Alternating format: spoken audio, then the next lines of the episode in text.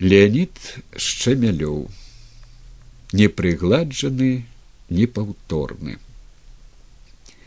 спякотным летнім днём 1974 года я з жонкай прыехаў у гродна каб сустрэцца з пісьменнікам васілём быкавым звязана гэта было з задумай напісаць трайны партрэт сучаснікаў служыцеляў мус ужо добра вядомых не толькі ў беларусі. Для яго я выбраў мастака михаила савецкага кампазітара ігора лучанка і празаіка васіля быкова і вырашыў пачынаць з быкова ён мне чамусьці здаваўся галоўнай асобай і верылася што блізкае знаёмства з ім дапаможа знайсці ключык для карціны.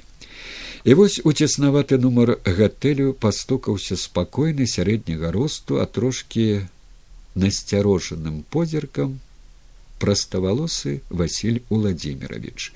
Ягоная годная някіткая сялянская пастава не зусім супала з маім уяўленнем аб аўтары любімых, надзіва дакладных па дэталях ваеннага побыту кніг. Аказаўся ён вельмі звычайным беларускім без прыкмет сваёй значнасці і вядомасці можа таму першыя хвіліны нашага знаёмства былі залішне афіцыйнымі і стрыманымі але паступова дыстанцыя паміж намі пачынала скарачацца і таму што ў нас была агульная фронтавая маладосць і таму што мы былі землякамі. Ён ушацкі я віцебскі. І таму што мы былі цікавыя адзін аднаму сваёй творчасцю. Я адразу ж узяўся за працу, стараючыся зафіксаваць першае візуальнае ўражанне, бо яно, як кажуць, часта бывае самым дакладным.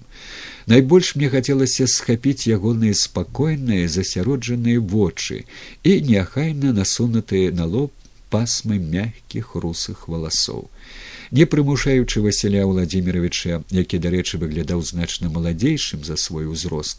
Сядзець нерухома у адной позе даючы яму магчымасць вольна рэагаваць на нашу гутарку я патроху выпытваў факты ягонай біяграфіі. Аказалася што нашы баявыя дарогі за ўсю вялікую айчынную вайну так і не сышліся нідзе бо я ваяваў на беларускіх фронтах а ён на украінскіх аднак ён уразіў мяне выдатным веданнем усёй панарамы ваенных дзеянняў ён дакладна называў якія арміі былі злева якія справа пры правядзенні тых ці іншых аперацый у якіх удзельнічала і моя дывізія. Ён пералічваў мне нямецкія часці якія супрацьстаялі нам у час баёў. А асабліва мяне ўзрушыла як добра ён памятаў сваіх падначаленых як цёпла расказваў пра іх часцей за ўсё намнога старэйшых за яго гадамі на фронте мы былі з ім прыкладна ў адным званні на аднолькавых камандзірскіх пасадах ён у артылерыі я у кавалерыі але я не ведаў і не памятаў пра сваіх пабрацімаў столькі як ён. Гэта яшчэ больш напоўніла мяне павагай да яго. Хаця калі ўсур'ёз задумацца іначай быць не магло бо як бы ён тады змог быць такім гранічна праўдзівым у сваіх выдатных аповесцях? Гаварылі мы і пра родную нашу віцебшчыну. Пра гэты прыгожы бязлетасна пакалечаны войнамі і галечай край. Ізноў я здзіўляўся як шмат ён ведаў як часта спасылаўся не толькі на ўражанне свайго дзяцінства але і на гістарычныя дакументы на аповеды землякоў на кнігі класікаў.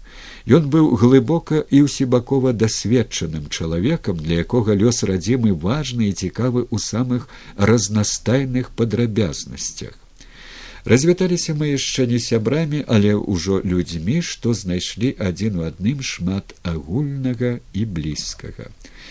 Назаўтра василь прыйшоў недзе каля обеда і расчараваў мяне. Я ж ну устрывожыўся. Быў ён акуратна падстрыжаны і можа таму нейкі прыгладжаны кажучы па пісьменніцку як бы адрэдагаваны для мяне як мастака гэта ускладняла справу знікала нешта з той непаўторнасці ў знешнім абліччы якую як мне здавалася я у яго пагледзеў Праца ў мяне не надта клеілася. Я ніяк не мог злавіць у ягоным твары, ягоным настроі новае, незаўважанае напярэдадні.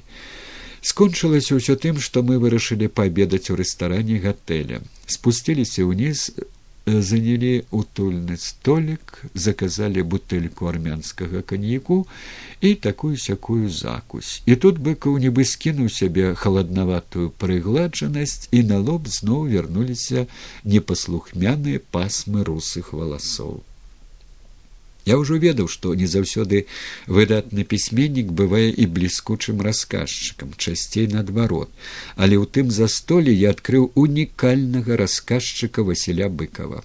Ён зачараваў нас з жонкою сваімі поўнымі гумару і дабрыні аповедамі і пра франтавыя прыгоды і пра пісьменніцкія ўзаемаадносіны і пра сваіх гродзенскіх сяброў.